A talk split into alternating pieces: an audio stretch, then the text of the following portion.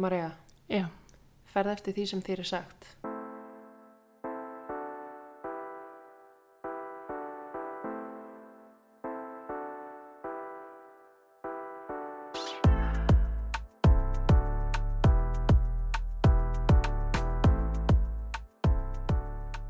Jæja, Marja, þá erum við að minnsta kosti ekki í bílnum að þessu sinni. nei, ég er allavega ekki að fara að upplifa súrefniskort aftur í hérna þessar upptöku. Ég var farin ótta staðins um líf okkar Já. á tímubili. Þetta var háska leikur. Það er fínt að óttast ekki um lífsitt núna, en rétt áður en við byrjum þáttinn þá ætlum við að minnast á styrtaræðla þáttarins Mm -hmm. sem er Cheeto Care. Emmett. En eins og við höfum talað um í síðustu þáttum þá er Cheeto Care íslenskt merki sem framleiðir alveg ótrúlega góð krem og húðvörur. Mm -hmm. Sárasprey. Já, ég hef verið að nota það svolítið upp á síðkastiða því að ég er með eitthvað mjög undarlegt sár á Já. bringunni. sem þú hættir ekki að tala um. Nei, það er mjög undarlegt, en það hefur verið að minka á senstu dögum að því ég er búin að vera að úða á mig þessu sáraspreyi. Þannig að við mælum innlega með því tjekkið á Cheeto Care uh, og við erum með afsláttakóða. Mm. Ingileif 20 veitir 20% afslátt af öllu inn á cheetocare.is þannig að við mælum eindreið með því tjekkið á því. En að efni dagsins í dag, Marja, viltu útskýra þetta eins nánar? Já, ég er sko svolítið spennt af því að þetta er svona eitt af mínum áhuga sviðum Mm -hmm. sem er í raun og veru stóra spurningin sko af hverju hlýðum við bara yfir höfuð, af hverju hlýðum við yfirvaldi eða innan hópsins eða annað og það er til ofbáslega fallegt íslenskt orð yfir þetta, Mm -hmm. veistu hvað það er? Hlýðinni. Nei, það er fylgispekt Emmett. hefur heyrt þetta orð áður, Ég hef heyrt þig segja þetta nokkrum sinnum nokkur sinnum. Já, en fylgispekt er í raun og veru það að við höfum þessa til, tilneyingu um að gera í raun og veru bara eins og okkur er sagt og við viljum gera eins og aðrir Mm. og þannig getum við einhvern veginn samræmt bæði viðhorf, trú og hegðun okkar við aðra sem við umgöngumst Mm. og hérna, þú veist þessi óþægilega tilfinning þegar manni, manni finnst maður vera fett ekki alveg inn í hópin Mm -hmm. fylgispekt er í raun og veru það að reyna að draga úr þessari tilfinningu Mm. og þú veist þessi tilfinning og, og svona aðtöp getur auðvitað komið bæði frá félagslegum drýstingi en svo getur þetta líka verið í raun og veru bara það að yfirvald einhvers konar e, hérna, já, einhver yfirvald segir að þú eigir að hlýða eða þú eigir að haga þeirra á tiltekin átt til þess erum við með lög og svona bæði óbeinar og beina reglur samfélagsins Akkurat. Þannig að, emitt, fylgispekt er rauninu bara það að vera ekki teltur svolítið að skera sig úr hvað varðar lög og reglur Nei. eða, eða þetta, þetta svona mainstream, mm -hmm. hennan hópþrýsting. ruggi ekki bátnum Já, ruggi ekki bátnum, að fylgja svolítið kannski strömmnum. Já, og, hérna, og maður finnur alveg fyrir því einhvern veginn þegar maður er komin á gráðsvæði Mm -hmm. og, hérna, og það er svona til alveg ótrúlega margar e, áhugaverða rannsóknir á þessu í félagssálfræðinni sem er mitt uppáhalds var svona uppáhaldsgreinin mín í, í sálfræðin á sínum tíma Mm. maður er náttúrulega með BS gráði sálfræði sko Jú, jú, jú, jú. ef það hefur ekki komið fram en e, svona við vorum að pæla í þessu bæði út frá sko svona svolítið ástandinu í þjóðfélaginu núna Mm. nú lifum við á tímum COVID Undarleir tímar. undarlegir tímar og þetta sést svo skýrt á því hvernig við hlustum á yfirvaldið núna.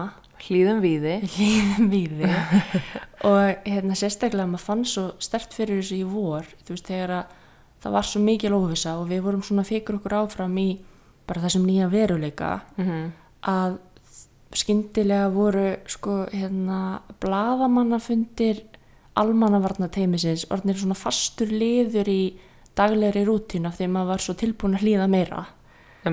Þannig að á tímabili þá mann ég allavega að ég sjálf var bara komin á þann stað að ég var mjög hrætt við að fara bara út úr húsi af því ég vildi ekki brjóta neina reglur. Ég vildi ekki brjóta tvekjametra regluna ég vildi ekki fara, veist, út í búð nema að vera einn, þannig að við fórum bara að panta á netinu. Mhm. uh, þú veist, sjensin að maður fór inn í einhvern stað þess að vera með spritbrúsa og hérna hanska og allt þar á milli af því að maður var búin að hlusta á yfirvöld segja manni ítrekað að hlýða þessum fyrirmælum. Og svo er þú löghlýnasta mannskja sem ég hef hitt á æfiminni. Jú eins og hefur komið fram áður, það finnst mér ekki mjög svona þægilegt að brjóta reglur en það blunda nú alveg smá reypell í mig líka sko. Líi, en alltaf. En, en þetta er samt svo áhugavert hvað sko af því að þú veist það er ekkit sjálfgefið mál og það er ekkit sjálfsagt mál að pakka bara daglega lífinum hans saman og öllu því í raun og veru svona daglega frelsi, bara svona persónulega frelsi og, og ég veit ekki, bara svona hverstagsleikanum uh, bara niður í eitthvað svona bara mikrólíf Mhm. sem að var á tímabili þannig að við vorum hérna syngjandi um það hvernig við ferðumst innan hús og eitthvað og Þetta er svo, þetta á eftir að vera svo fyndið svona eftir á, þú veist, þegar við lítum tilbaka eftir 50 ár mm og horfum á allt það sem okkur datt í huga að gera í þessu blessaða sóttvarnar ástandi til þess að bara um eitt til þess að bara lifa af, sko, Lifa og, af og- hafa gaman Einmitt. einhvern veginn í þessu fáranlega ástandi þó svo þetta hafi náttúrulega ekki verið hlægilegt á neitt hátt þetta ástand Nei. í sjálfu sér Nei. en ég held að við hefum eftir að horfa tilbaka á allt sem við gerðum og hugsa bara á þetta var mjög undarlegt eitt allt saman. Og svona félagssálfræðilega er þetta ótrúlega áhugavert hvernig sko ekki bara á Íslandi, bara öll heimsbyggðin fór bara í eitthvað svona, svona bara lockdown. Mm -hmm. og við erum auðvitað ennþá bara að kljóst við þetta, þetta er engan vegi búið. Og, en maður finnur svona núna um, ég veit ekki allavega, þú veist allavega í kringum mig, maður finnur svona fólk er ekki jafn tens mm. og það var í mars, gagvart svona öllum fyrirmælum en það, þú veist, fólki er ennþá að hittast og fara út að vinna þú veist, við erum ekki komin í þú veist, hérna, samkomi bann eins og við vorum með í, í vor. Mm. en hérna en ég veldi líka fyrir mér sko hvort að við séum bara orðin svona pínu samdöina einhvern veginn, þetta er ekki jafn lengur svona þetta er ekki lengur uh, hérna, hvað var þetta orðið sem var alltaf notað þetta eru hérna tíma fordæmalösi fordæmalösi tímar, já þetta er ekki lengur veist þetta er, Mm. nú er fordæmi fyrir þessu, þetta gerast í vor mm. og þá er ótrúlega trikki að viðhalda í raun og veru þessari hlýðni Mm.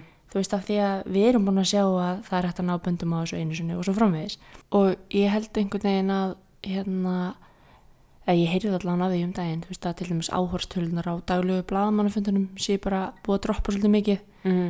og maður finnur það alveg sjálfur þú veist að við erum svona, þú veist maður sér fréttir og þetta er daglega í eirónum á manni og maður er að gera sitt besta.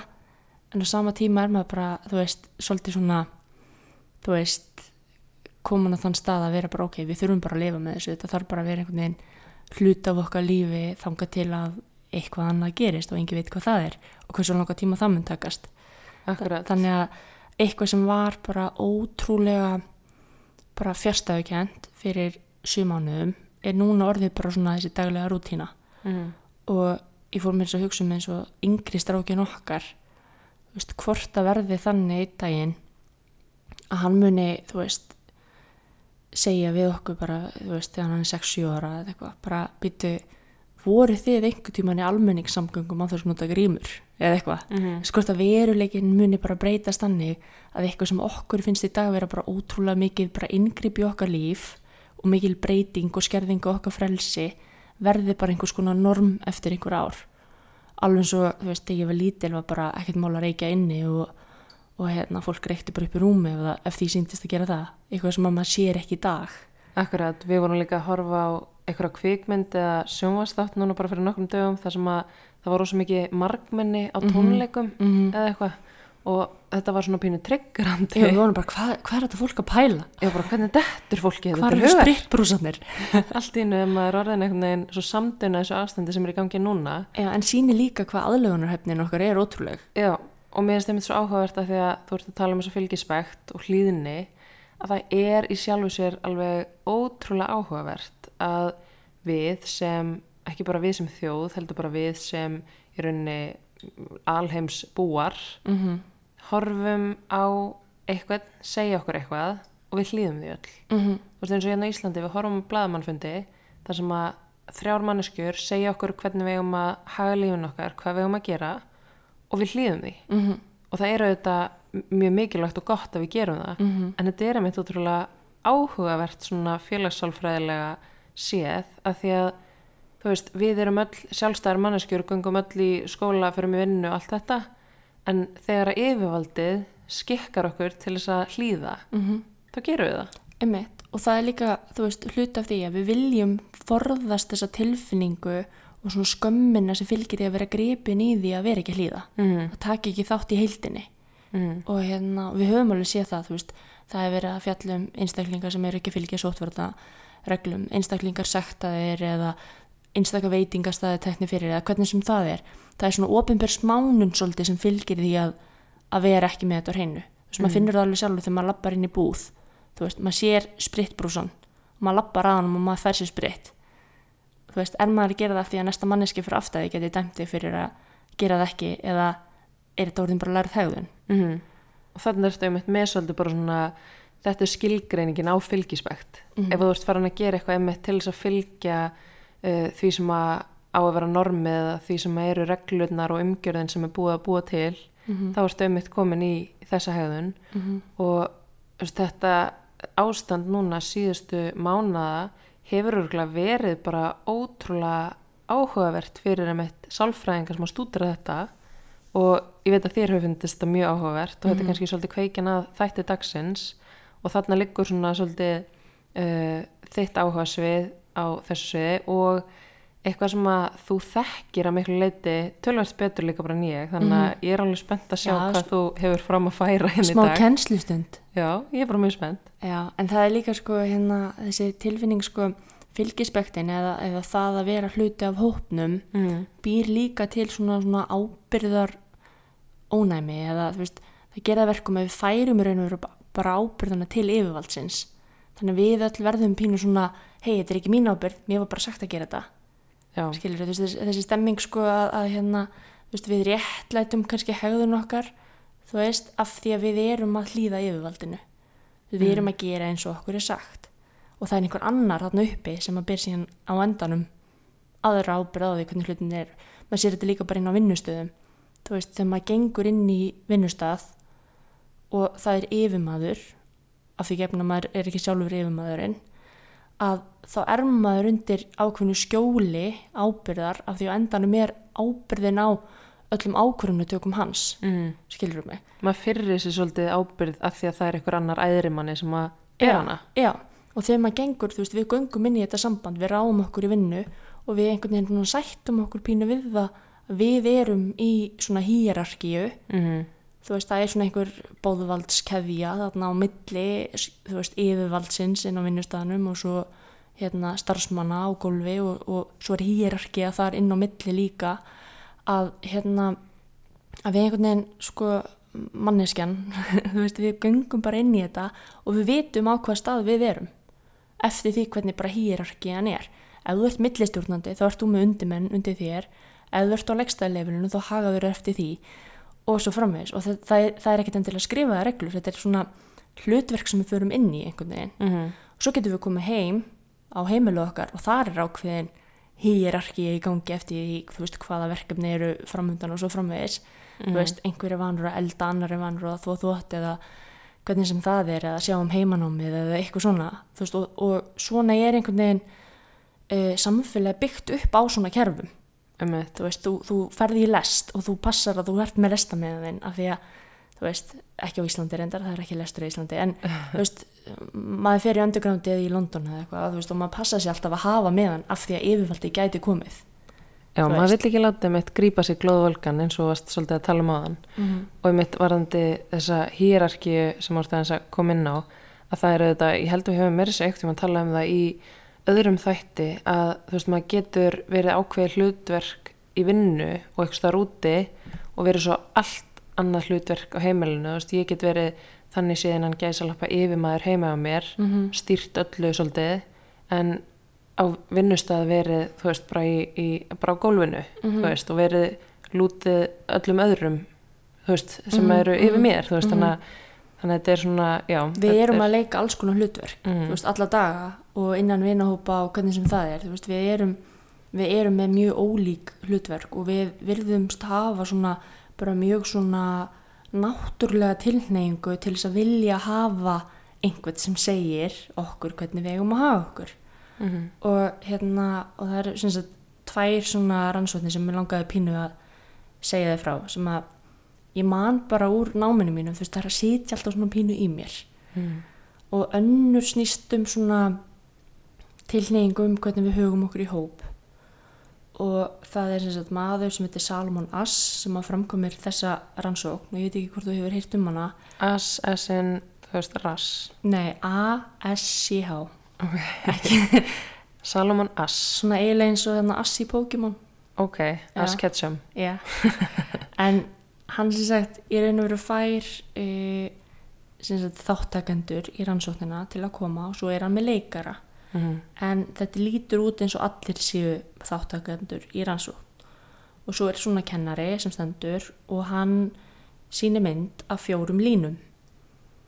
Og þær eru mislanga línunar og svo er ein lína sem kemur byrtist og svo er spurt hvaða lína af þessum fjórum er jafnlöng og þessi lína? Mhm. skilur við, þannig að þetta eru svona þú veist, bara mjög basic svar. Og þegar að hérna uh, þetta var svona sjö- 57 mánu hópur um, um mér, ef ég mann rétt. Og hérna það sem að leikararnir áttu að gera var í raun og verið að gefa bara rannsvar. Segja bara nei, þú veist, lína sé er jafnlöng, hún var augljóslega miklu, miklu lengri. Mm, bara lína sé er jafnlöng og þessi lína. Mm, og ef allur hópurinn staðfæslega held í til streitu að þessi lína væri réttasvarið mm, þá endaði þáttakandin á að samþykja það og segja já, þú veist, hann byrjaði fyrst eitthvað, nei, hvað er að ykkur, þú veist nei, nei, þú veist, þið sjáðu alveg að, að lína D er jafnling og hinn, eða einhvern veginn þannig sko. Mm, og ef þeir bara staðfæslega heldu í fram að lína C sem var augljóslega miklu lengri en línan sem þau ættu að bera saman við væri réttasvarið þá endanum uh, samþykti viðkomandi að þetta veri réttasvarið þannig að vitandi það að þetta veri rámt svar virðist þáttangandinn frekar vilja taka þátt í því að vera hlut á hópnum en að þræta fyrir það að þau séu að hafa rámt fyrir sér. Já, og þegar að rannsóknin var síðan sko gerð þannig að fólk svaraði bara í einrúmi þá var bara 100% með þetta rétt. Mm, þannig að þú veist það var alveg skýr munur og það kom líka munur ef þú voru tveir og tveir. Mm, veist ef það er annar sem bakkaði þau upp þá varstu tilbúinari til að segja herðu fyrir rugglinu þið sjáu alveg að þetta er ránt mm, en þú veist að maður yfirferði þetta bara yfir á hóp þú veist vinahóp eða samtöl það sem einhver er að segja eitthvað þú ert bara innilega ósumála því. Þú veist hversu oft raunverulega fer maður bara inn í það? Veist, ef allir hinn eru sammála ef allir eru á einhverju skoðun í kringum þig Já, og þú ert bara eitthvað nei, þið er í bullinu ég bara, en þú veist ferðu þángað og það er einmitt, já, og þarna erum við líka með svo, veist, margbreytilegar aðstæður að því að við erum í alls konar mismunandi hlutverkum í alls konar mismunandi aðstæðum, þú veist, í vinkonahófnum mínum, þar sem að allir segja nákvæmlega hvað þeim finnst, þú veist, og við þrætum um alls konar hluti, þá myndi ég segja bara nákvæmlega það sem ég finnst, en ef ég væri í skólastofu með 100 manns í háskólanum og þú veist, allir væri á einhverju máli og ég væri óksla ósamála, þá myndi ég ekkit einhvern veginn hafa mig frammi sérstaklega til þess að segja hvað ég var ósamála, þú veist, þá myndi ég freka bara láta það slæta Mhm. að því að þú veist þe- þessi tilfinning um að vera algjörlega álfurutur hól eitthvað starf er svolítið óþægileg sko. Mhm. þó svo oft sé hún líka bara mikilvæg og góð þú veist að því að maður, maður vill ekki að skoðanir séu bara einsleitar eða að hegðun sé bara ótrúlega einsleit og það er mikilvægt að við látum þetta ekki stýra okkur þú veist, eitthvað svona hjarðhegðun en á sama tíma er það bara oft ókslega erfitt Já. að ætla að stíga út úr rammanum og vera einhvern veginn eina manneskjan sem er að berjast fyrir einhverju, einhverjum öðrum málstað en hinn er sko. einmitt og þú ert meira eins og í þessari rannsótt tilbúin að bara samþykja að þú sért bara greinilega bara með vonda sjón eða eitthvað og sjá mm. línuna öðruvís en hinn er að því þú veist, ef allir eru á þessu skoðun þá lítur þú að hafa ránt fyrir þér og svo núna er að fljúi hausin á mér önnur svona hérna tilhörn sem var svona aðstæðbundin þar sem að svona fólkin á hérna læknastofu og ég er ekki búin að rifið þetta upp þannig að þetta er kannski ekki alveg 100% rétt hjá mér eða, eitthvað, eða þannig en þetta var nokkurn veginn þannig að þú ert á byðstofu og hver skipti sem einhver lappar inn þá byrjuðu nokkur að standa upp mm. og þú situr bara og ert að lesa blaður bara okkur standa alltaf allir upp þegar að ég veit ekki hvort það hafi verið læknirinn eða, eða einhver sem að koma inn og svo hægt og rólega þá byrjuðu bara alltaf þáttengundur að standa líka upp. Og bara fara eða? nei ég er að tala um bara að standa upp og setjast niður aftur. E, ok, þannig að þú veist, þú ert bara inn á byrðstofu og þú sér bara að það er alltaf eitthvað fólk sem að stendur upp á ákveðnum tímabili og þú ert bara að býta af hverju þetta fólk að standa upp þetta er skrítið, svo bara eftir því sem tíminn leið og þetta gerist oftar þá bara byrjaði þú að standa eða þú byrjaði þáttakandinn bara að standa upp aftur. Og hann vissi ekkert alveg af hverju hann var að gera það hann vildi bara fitt inn í veist, það sem var að gerast mitt og maður sér þetta líka oft veist, eins og tónleikum og, og hérna og er ekki sem aðstæður en þú veist í bíóhúsum eða tónleikum eða eitthvað svona þegar það er staðið upp og klappað. Það byrja svona, einn, tveir byrja á því að standa upp og þá stendur upp röðin og svo kemur næsta röð og, og svona hægt og rólega þá þú veist standa allir upp þú veist og klappa og halda áfram að klappa. Og þú veist og það gerist af því einhver einn eða tveir ákvað að þetta veri moment til að standa upp og mynduru, þú veist, þó svo þér finnist sýningin sökkuð, mynduru vera eina manneskjan sem að situr eftir og klappar ekki? Nei. Nei, nefnilega ég hef alveg lent í þessu þú veist Mm. að vera bara, "Mm, mér fannst þetta ekki svona gott en maður stendur samt einhvern veginn bara upp með hinum og klappar og líka bara aðtöfnar að klappa að þú pælir í því Mhm. þú veist, það er svo oft sem að ég hef verið í aðstæðum þar sem að ég hef ekkert verið sérstaklega peppuð í að klappa rosa lengi þú veist um, kannski bara vantar að pissa eða fara heim eða eitthvað, en maður er bara já, við skulum klappa þetta atriðu upp já, við skulum taka þátt í þessu af því allir hinn eru að gera það bara lemja höndunum mínum saman hvoru við aðra og meiða mig bara smá að því ég er búin að standa inn í kortur og klappa Já. og líka þú veist eins og svona fundum þú veist einhver segir eitthvað sem að eða þú veist ef einhver segir eitthvað á svona einhverjum mómentum þú veist og fólki finnst það gott þú veist að byrja að klappa með því. Mm þú veist þetta er ótrúlega fallegt og sammannlegt en líka rosalega mikil fylgi spekt sem fylgir þessu sko. En líka með það því að þú nefnir hana þú veist, fundið, það lit mig svona í fljótu bræði fyrir að hugsa um það þú veist, ef að ég væri að mæta sérstaklega maður er að mæta kannski nýr inn í einhverja aðstöður þú veist, ef ég er að mæta á nýjan vinnustað og það er fundur mm. uh, og það eru allir bara ótrúlega sammála um einhverja eina nálgun til þess að fara eða þú veist, einhverja eina leið til að fara eða einhverja nálgun á eitthvað viðfangsefni eða eitthvað Mm.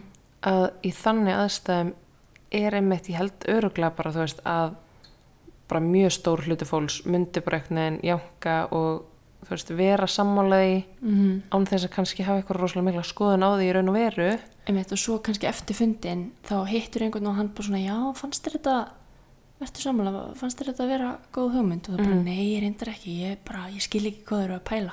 Og þá svona, byrja svona að mynda svona litlir hópar inn á staðanum sem að eru kannski allir ósamvælusu en enginn sagði neitt. Nei, því er allir bara svolítið Að yfirmaðurinn fljóta- og fljóta einhvern veginn eftir þessum farfi því að það er allir bara í þessari fylgispekt sem ert að lýsa. Mm en þetta er alveg ótrúlega áhugaverð En- þessi rannsókn sem þú varst að tala um að því að, að ég, ég skil alveg, þú veist, ef maður setur sér inn í aðstæðunar sérstaklega sko ef manni finnst vera að kasta skömm á sig. -hmm. þetta er eins og þarna lýsur að, að þetta hafi verið hópur og þú veist, um leið og þú svarar á okkur annan hátt þá er allir bara, ert það að djóka eða?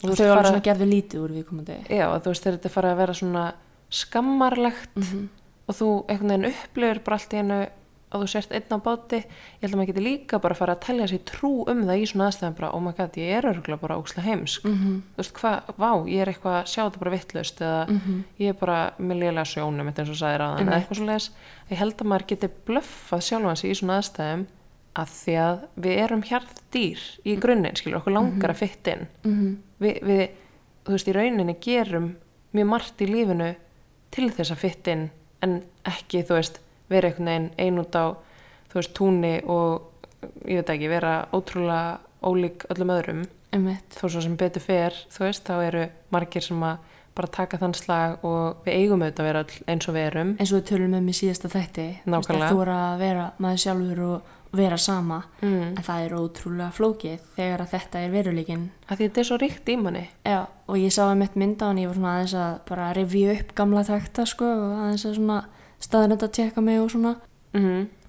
og þá er þetta orð sem sagt fylgispekt eða conformity sem að er í raun og veru einmitt þetta að fylgja þessum fyrirmælum að það kom svona lítil mynd sem var svona sínimynd um þú veist hvað þetta er í raun og veru og það var svona fyrsta myndin var svona stelpa að lappa í skólan og hún er í þú veist pilsi og, og með einhvern hatt og eitthvað og allir krakkanir eru í röndóttum peysum mm. og daginn eftir er hún að koma í skólan hún er komin í röndóttum peysu Mm. þú veist, þetta er svona, þú veist, þetta er allt um líkjandi einhvern veginn.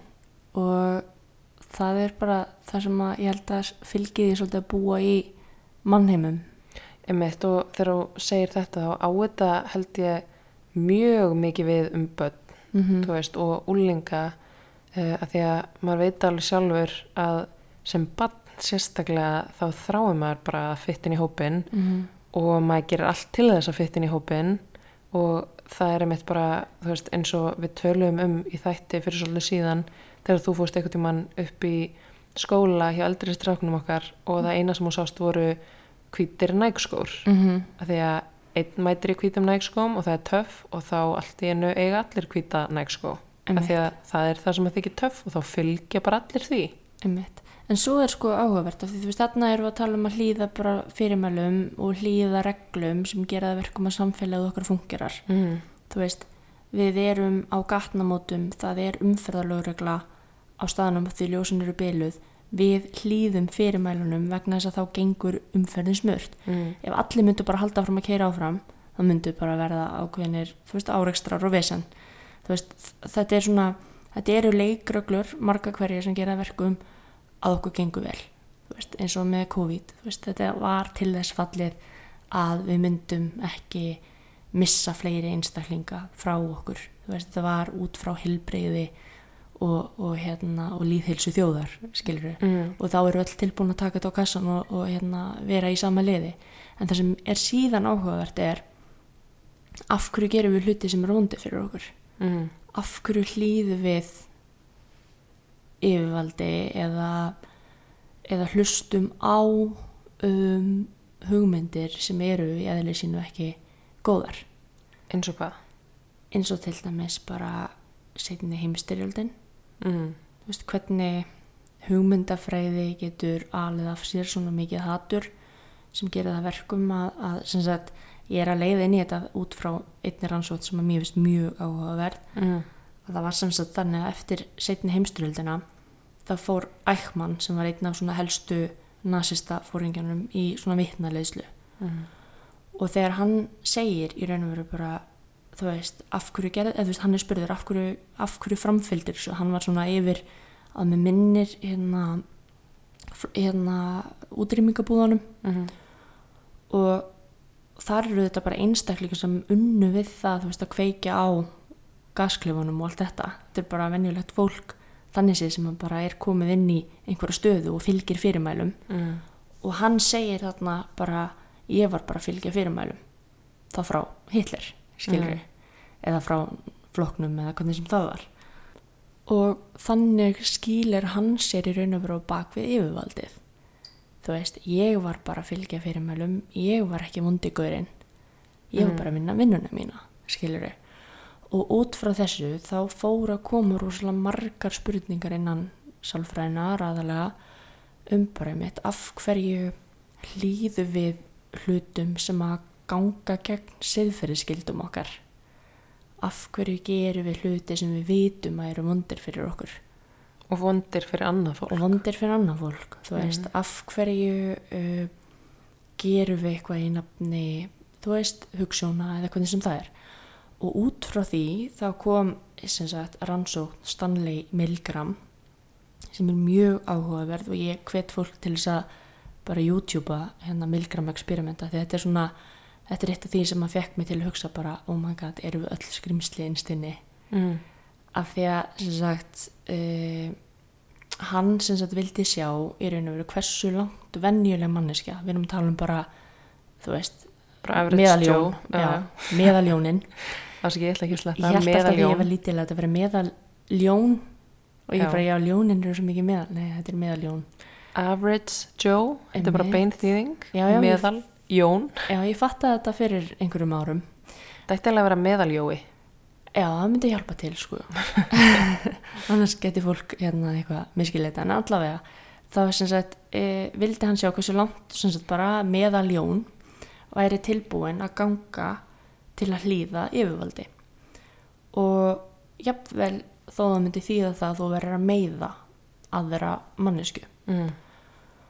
og hérna það voru að með minni er 40 manns sem að tóku þátt í þessari ranns, rannsókn og þetta hefur verið mjög svona, þetta mjög umdild rannsókn. Þú veist að því að í dag myndi þetta ekki slæta sko, þú veist þetta, þetta var það siðferðislega erfitt að láta fólk gangi gegnum Mm. þessa hluti en það sem hann gerir er að það er í raun og veru sett uppið er þannig að þú sem þáttakandi í rannsókninni kemur inn og þú átt að vera kennari.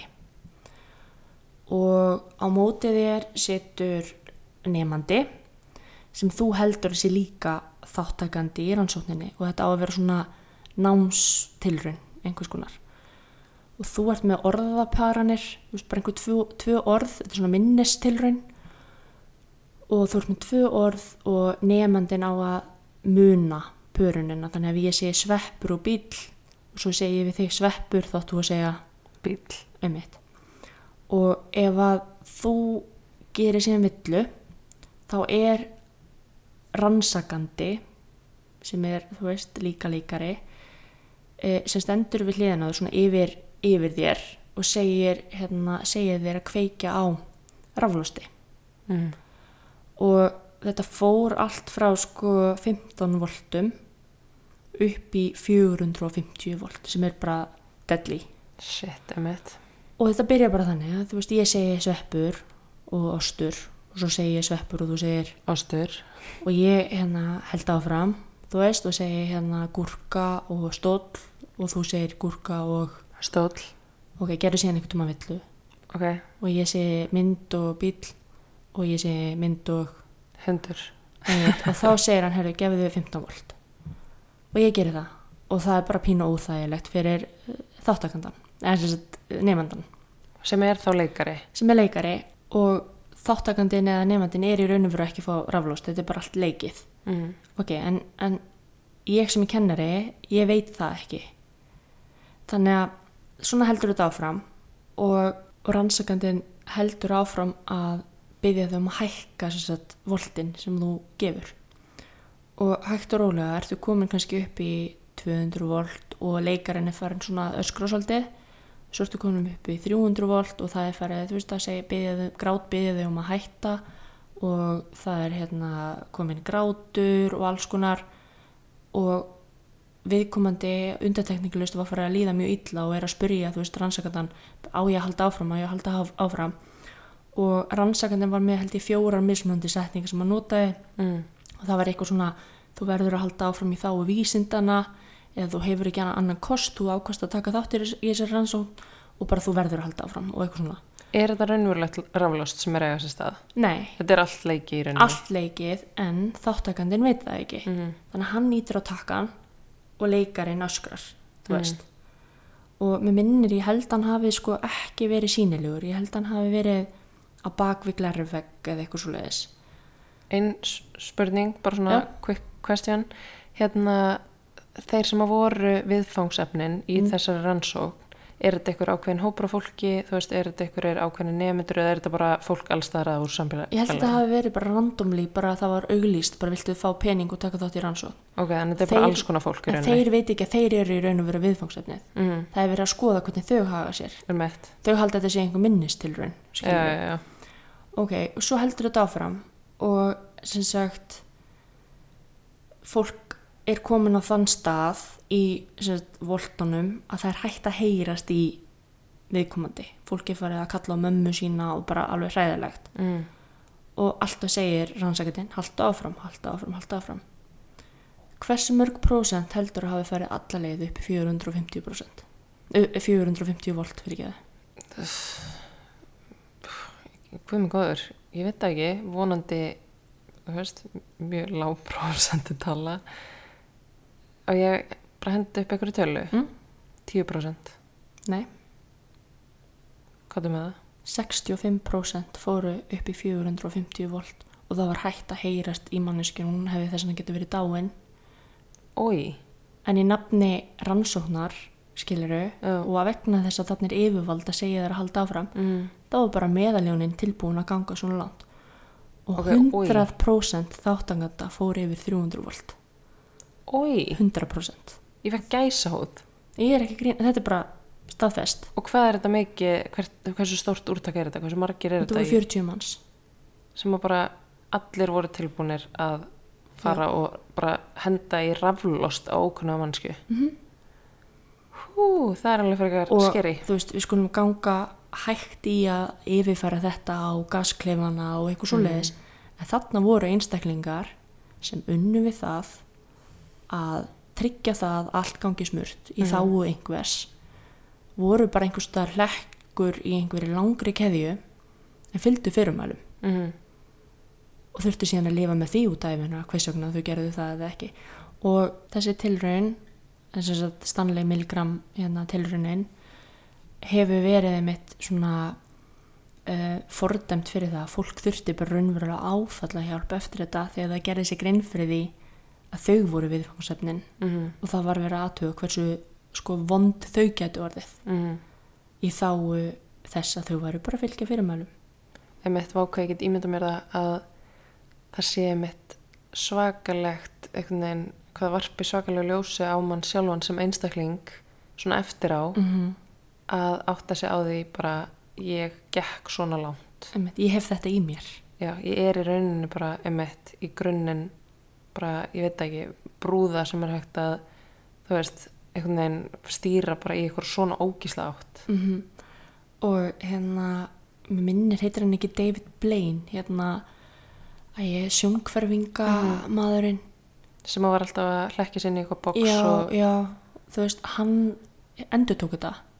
Og það er heldur til á YouTube þar sem hann, hérna, ég get sýnt þér þetta eftir, eftir eftir við klárum að taka upp.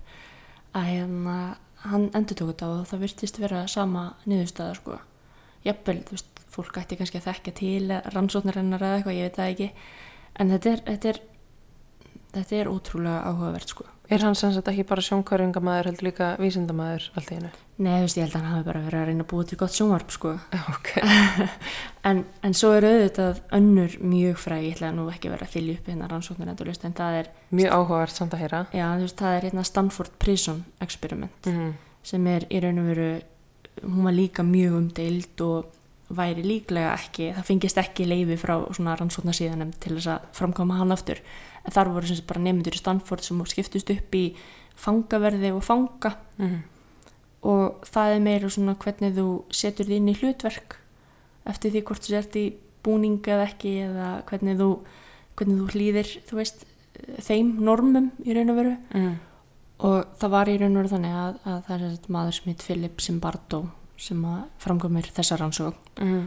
og þú veist, þetta er 1971 eitthvað svo leiðis og þarna er í raun og veru bara random þú veist, bara stúdendinni dróu bara hérna, það var kastað tening eða ég man ekki hvað, eða pening eða hvernig sem það var. Og þú fegst bara hlutverk randomli, þú veist, annarkort fangi eða fangaverður. Og þessi rannsótt fór algjörlega úr böndunum og þurfti að hætta við hann eftir einhverja sex daga af því að fangaverðirni voru bara farinir að ganga úr skrokka á, á fengunum og það var bara algjör, algjör óeiriða stemming í gangi.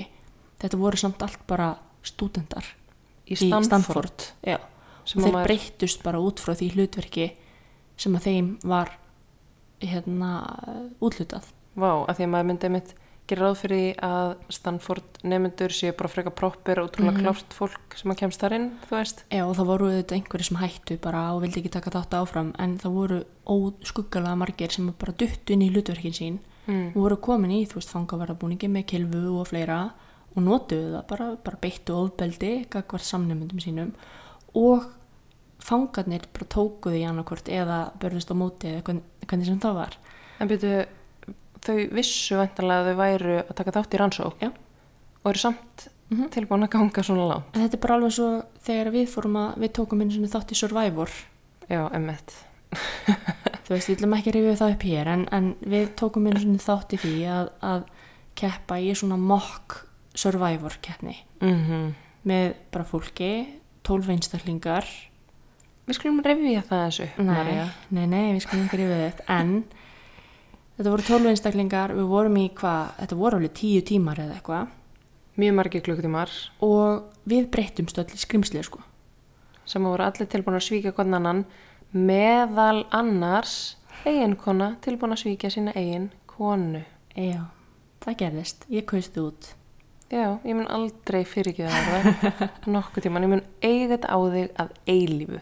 Já, þetta var sko, þú veist, hvað mánuð eftir brúköpu okkar. Ég hugsaði bara, nei, nú er ég búin að klúra þessu. Já, Ég fór líka pínu að gráta. Já, En já. þarna gerist eitthvað, þú veist, maður er inn í einhverjum aðstæðum. Við vorum með buff, það er eiginlega búningur. Mhm. og hérna og maður er dottin inn í bara einhverja stemmingu. Þú veist, fólk fyrir að kvísla ég er að manni, bara heyrðu við skulum gera þetta svona og við erum saman í liði, við fyrum alla liði saman við ætlum að vinna og, og þú veist það var vissulega eitthvað áfengi með því fyrir og svona en, en, en þetta var samt alveg ótrúlega klikkað að fara inn í þetta af því svo daginn eftir, ég var með nagandi sammenskupið allan daginn af því ég var bara búin að blindsæta alls konar fólk og þar og meðal þig, ég blindsætaði þig ekki ég var eiginlega, mér var stilt upp í vegg að velja þig eða að halda áfram? En núna ætla ég samt að segja, að því að nú er ég að hugsa þetta út frá þessum rannsóknum sem að þú ert búin að tala um. skilur ekki núna Að- betur okkur ég gerði það sem ég gerði. Nei, mér finnst þetta bara samt varpa svo klikkuð ljósi á mannlega hegðun vegna þess að þessar rannsóknir sína mitt fram á það að þú hlýðir yfirvaldi, jafnvel þó að þýði að fara í gegn öllu sem þú ert. Í þessum aðstæðum, þá, þá sko, er við í rauninni búnar að ákveða okkar allt í okkar lífi er þannig að við treystum hver annari 100% og við myndum ganga alla leið í öllu saman. -hmm. nema svo ertu komin inn í þessar aðstæður og yfirvald innan gæsalappa þar að segja manneskja sem hefur spilað leikin oft og þú veist, þú lítur á kannski sem eitthvað sem er reynslu meir en þú. Og sannfæri mig um að besta leiðin fyrir mig sé þessi. Já, þá ertu tilbúin að svíkja mig skilur, þú ert tilbúin að ganga það langt ok, ég veit þetta er bara survival-leikur en mér finnst þetta bara áhugavert samt að setja þetta í samhengi við þessar rannsóknir. Já. að þú ert tilbúin að svíkja mannesku sem þú elskar að því að þú heldur að það sé það sem þú átt að gera. Já, og Þú þetta er leikurinn, svona er leikurinn. Já, að þú heldur einhvern veginn að til þess að fylgja flóinu, þá verður bara að svíkja mig. Einmitt, og svo um leið og ég gerði það af því að þetta var sem sagt fyrir hlustendur þá var þetta ekki bara svona klift á skori þetta voru mjög floknar aðstæður og þetta var spurningum að í raun og veru dett út sjálf eða þú myndið dett út? Að það er einföldun. en ok, við skulum ekki fara út í það.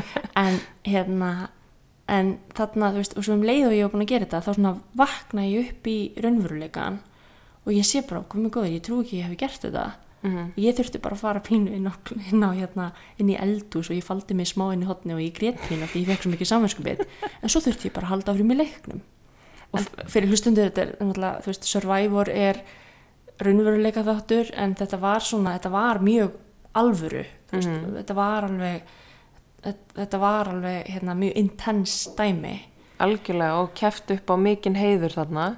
En, en þetta er ótrúlega, þú veist, áhugavert að horfa á þetta í þessu samengi, svona félagsálfræðilegu samengi, af því að mér finnst þetta sína svolítið skýrt fram á það að í aðstæðum þar sem að þú upplifur það að það er einhver að segja þér fyrir verkum og það er einhver sem að segja þér bara til þess að þú komist betur út úr þessu til að þú hagnist þá verður þú að gera þetta og hitt. Og þú veist eins og bara í þessum aðstæðum sem við höfum verið að tala um núna þú veist það sem að einhverjir eru tilbúinur að horfa á næstu manneski fyrir ofan sig og svo næstu manneski fyrir ofan hana og það eru bara allir einhvern veginn að fylgja einhvern fyrirmælum en eru samt að gera ókslega ljóta hluti. Eitt þú veist, í þessum aðstæðum þá finnst mér þetta, já, vera einhvern veginn svolítið félagsalfræðileg tilraun í grunninn, hvernig þú ferð inn í svona aðstæður og kemur, kemur út af þeim. Eitt að því að það að þú sért tilbúin að brjóta öll þín prinsip, allt sem þú stendur fyrir. Ok, róleg. Nei sko Já. ekki bara í þessu Nei, nei, nei. bara almennt í svona rannsóknum er bara ótrúlega áhugavert. Veist, og varpa svolítið ljósi á hvað manneskjan er í rauninni einföld mm og hvað er í rauninni auðvelt að sannfara okkur um að gera hluti þó svo þeir séu pínu þvert á það hvað við viljum gera. Og hvað við erum móttækileg fyrir veru. Og þess vegna finnst mér líka sko af því að þarna var þetta í raun og veru bara það að þú klæðir því í fangavarða búning mm. þá ertu komin í þetta hlutgerfi eða þú veist, þú ert komin í þetta gerfi þú ert komin með authority með því að vera í búning Mm. og ef maður hugsa um stjettirnar sem að ganga um í búningum þú veist, það eru læknar og hjúgrunafræðingar mm. þú veist, við erum með hermenn þú veist, við erum með hérna lögreglu, við erum með veist, þetta er allt, þetta er allt svona þetta eru flest allt svona stjettir þar sem við þurfum að trista einstaklingum einhvern veginn annarkvort fyrir okkar eigin sko frelsi í raun og veru eða bara lífi. Og líkama. Og líkama. Mm. þú veist, og hvað það og, og kannski líka fyrir viðkomandi einstakling að svolítið klæða sig úr hverstasleikanum og það ertu komin í búning. Bara yfirvaldi, svolítið. Að því þú þarft að réttlæta fyrir sjálfu þér þú veist, vinnuna þína eða, eða hvað þú gerir, sko, eftir því hvað það er sem þú gerir, sko.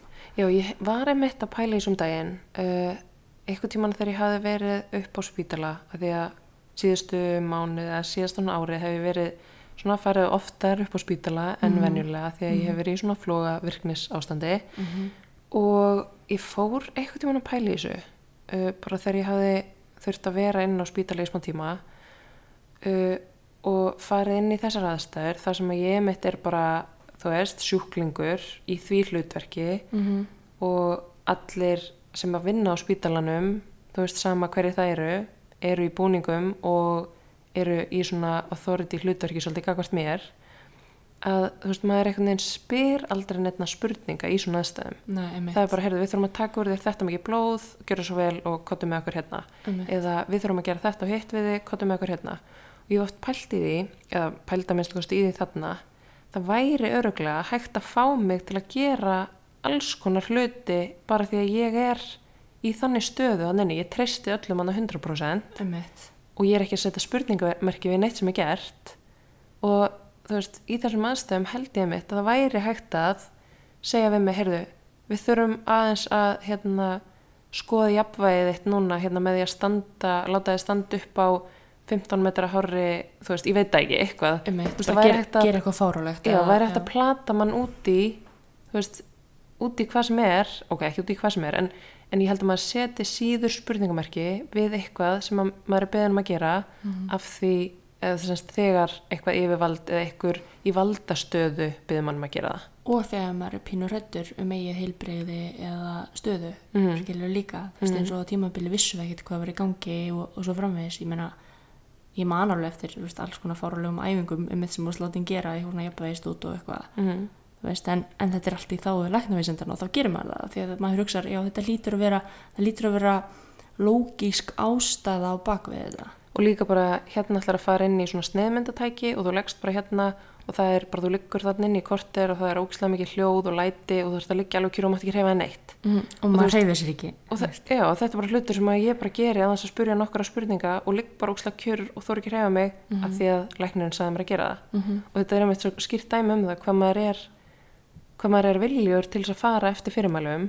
sem er í grunninn ótrúlega góður hlutur og ég myndi ekkit vilja vera eitthvað að mótmæla eh, sérfræðingum og þeim sem að maður áður þetta treysta skiluru en þú veist hvað það er samt mikilvægt sérstaklega á tímum eins og við lifum á núna eins og við höfum verið að sjá síðustu mánuði hvað er mikilvægt að við sem manneskjur erum tilbúnar að hlusta á og fara eftir fyrirmælum þó svo einmitt í þeim aðstæðum sem þú varst að lýsa þar sem við erum að gera eitthvað vond eða ólöglegt, veist, þá er það ekki kannski jafn gott, en eins og núna það er ótrúlega mikilvægt og jákvægt að við séum öll búin að taka þetta til okkar, við séum öll búin að hlýða þú veist, því sem er í gangi Emitt, þó svo það sé pínu klikka að hugsa til þess hvað það væri bara allir að trolla okkur emitt. Hvað ef það var bara Alma- einn stór bara, hérna, félagssálfræði rannsókn. Já, ángríns, hvað ef Alma, Þórólur og Víðir stæðubranna væri bara aðal hérna, þú veist, sérfræðingarnir í þessari rannsókn og það væri bara að vera að testa hversu, hversu langt komist við með heila þjóð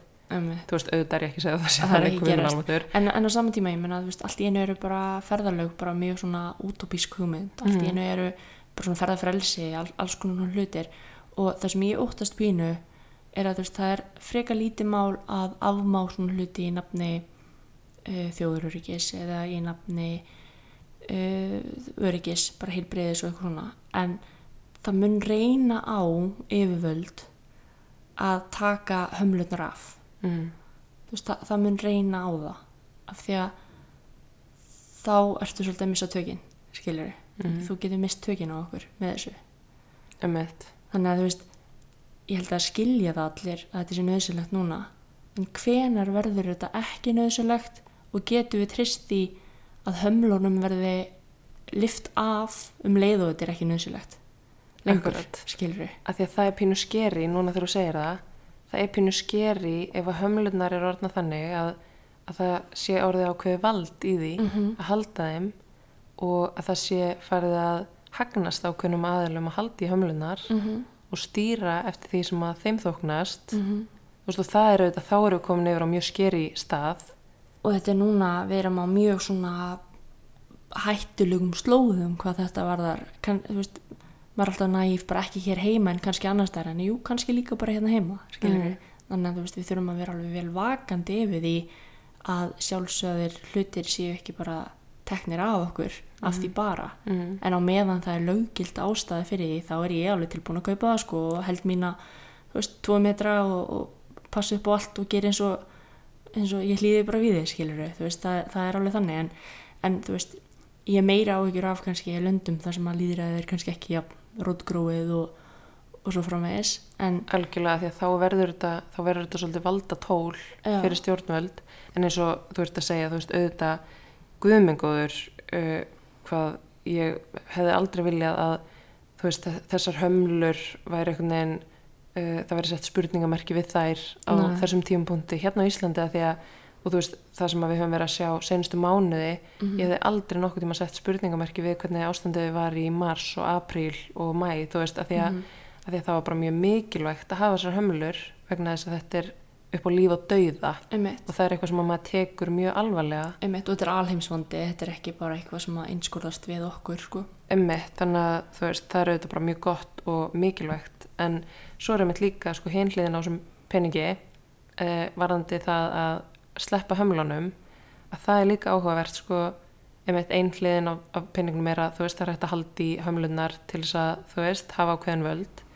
En svo líka þetta sleppa hömlunum og hvað gerist þá hjá þegnunum? Mm -hmm. hvernig taka þeir við því að allt í einu séu engar hömlur? Bara frelsi. Já, veist, hvernig mun það, þú veist, það er alveg áhugavert að fylgjast með því hverjir afleðingarna verða að því að, þú veist, það eru búin að fara úr því að vera mjög skertur mm yfir í að hafa einhvern veginn allt í einu fullt frelsi, við að fara að sjá bara, þú veist, eitthvað kollvarpast, bara eins og kálfarnir á vori eða eitthvað Já, svona það er alveg áhugavert. að, maður sá það pínu í sumar sko, þú veist, það var aðna voru kannski tvæ-þrjá vikur sem voru pínu svona þú veist, lús. frjálsar þú veist, og fólk var farið að faðmast aftur og fólk var farið að knúsast og sitja nálægt og, og svona, en það voru ennþá höm, hömlur skilin eins og á skemmtustöðum þú veist, það er ennþá loka allifu og, og þú veist, þetta var ekki veist, fullkomið frelsi Mhm. þú veist, ekki eins og það var Mm.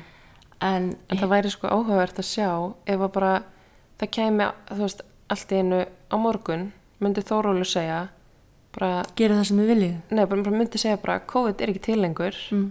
það þarf enginn nokkuð tíman að hafa áhyggjur af COVID því að hann er búin að þurkast út þessi sjúkdómur Mm og það eru engar hömlu lengur þú veist Vá. bara hvað genuinely myndi gerast Einmitt, myndi maður bara, ég held að maður væri varfærin áfram bara í einhver tíma óvart, þú veist, Já. af því að maður kann ekki annað einhvern veginn. bara myndi maður treysta því að þú veist það sé ekki 100% og þeir sem maður myndi treysta því þú veist, er þið bara eitthvað glundróði þú veist hvað myndi gerast? Einmitt, áhugaverða pælingar. B5 aftur opið til 5 og allt í rugli og, einmitt, svo er það einhvern veginn eitthvað svona þú veist það er mjög fjarlæg hum, hugmynd, sko. mjög fjarlæg hugmynd Það er mjög fyndið, bara eitthvað svona að dansa nýri bæ er orðið bara svona, já, það er eitthvað sem við gerðum áður fyrr.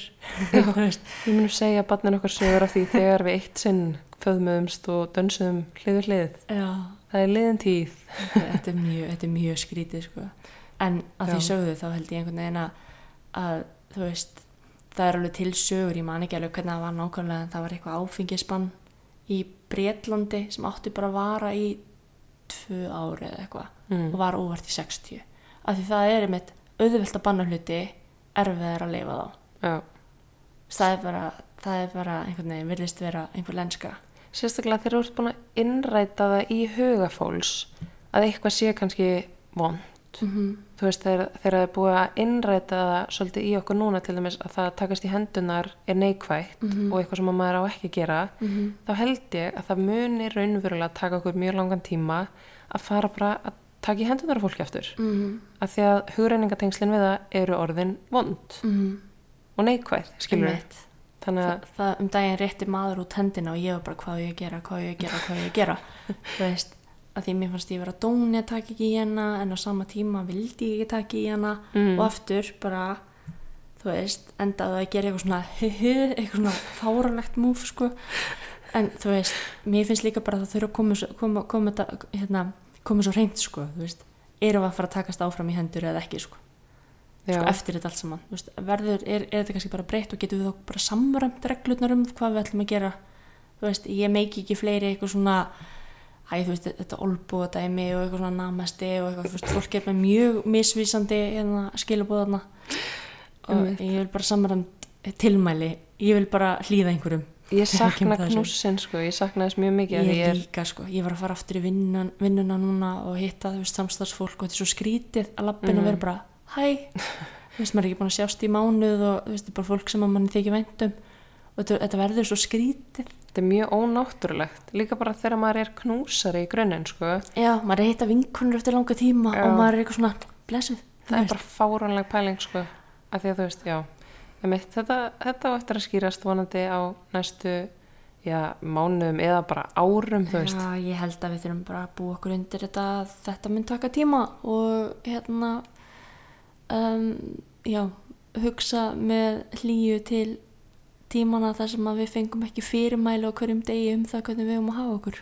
já en eins og þessi þáttur er búin að fjalla svolítið um þá förum við öll að fyrirmælum að því að þannig erum við bara gerð Emmett sem er gott eins og staðan er núna en væri kannski vond ef að væri verið að segja okkur eitthvað eitthvað mjög vond. Já, maður þarf að geta greint þarna á milli mm og talandi um fyrirmæli þá er búið að vera rosalega mikið sól þess að dagana og þá er gott að setja á sig sólavörn og þá er gott að eiga dagkrem sem er með innbyggðri sólavörn, ekki satt? Jú, það er mjög mikilvægt og auðvitað áður en að við fjöllum meir um það dásamlega andlitskrem Mm. þá ætla ég að minna fólk á að það er mjög mikilvægt að maka á sig sólavörn frá toppið til táar Mhm. á sólríkum dögum og þó svo að maður sé með andlitskrem sem er með sólavörn í Mm -hmm. þá er samt mikilvægt að passa upp á sólavörnina af því að þó andlitskrem með sólavörn sé góðu grunnur Mhm. þá eh, kemur það ekki, veg, eða, semst, kemur það ekki í staðinn fyrir sólavörn og ekki gleyma börnunum ekki glemma bönnunum, guðminn góður það er hérna mikilvægt að hugsa um húðina þeirra já, bara sólavörn á allan kroppin mm -hmm. en eins og við vorum að fara að koma inn á þá er uh, Cheeto Care mm Mhm. styrtaræðalinn þáttarins með alveg stórkostlegt andlitskrem sem er vissulega með 15% vörn. Já, uh, segjum mig að prósent.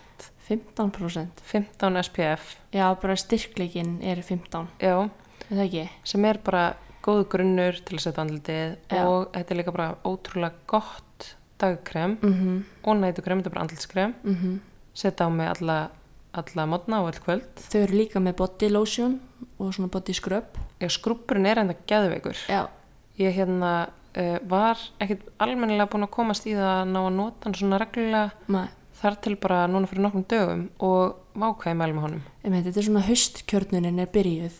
Maður er alveg, það er alveg dagskrona að vera bara með grónagröð í matinbræðum og svona. Já, já. Veist, það er mikilvægt að skrúpa sig, sko. já, grónagröð er ekki sumamatur sko.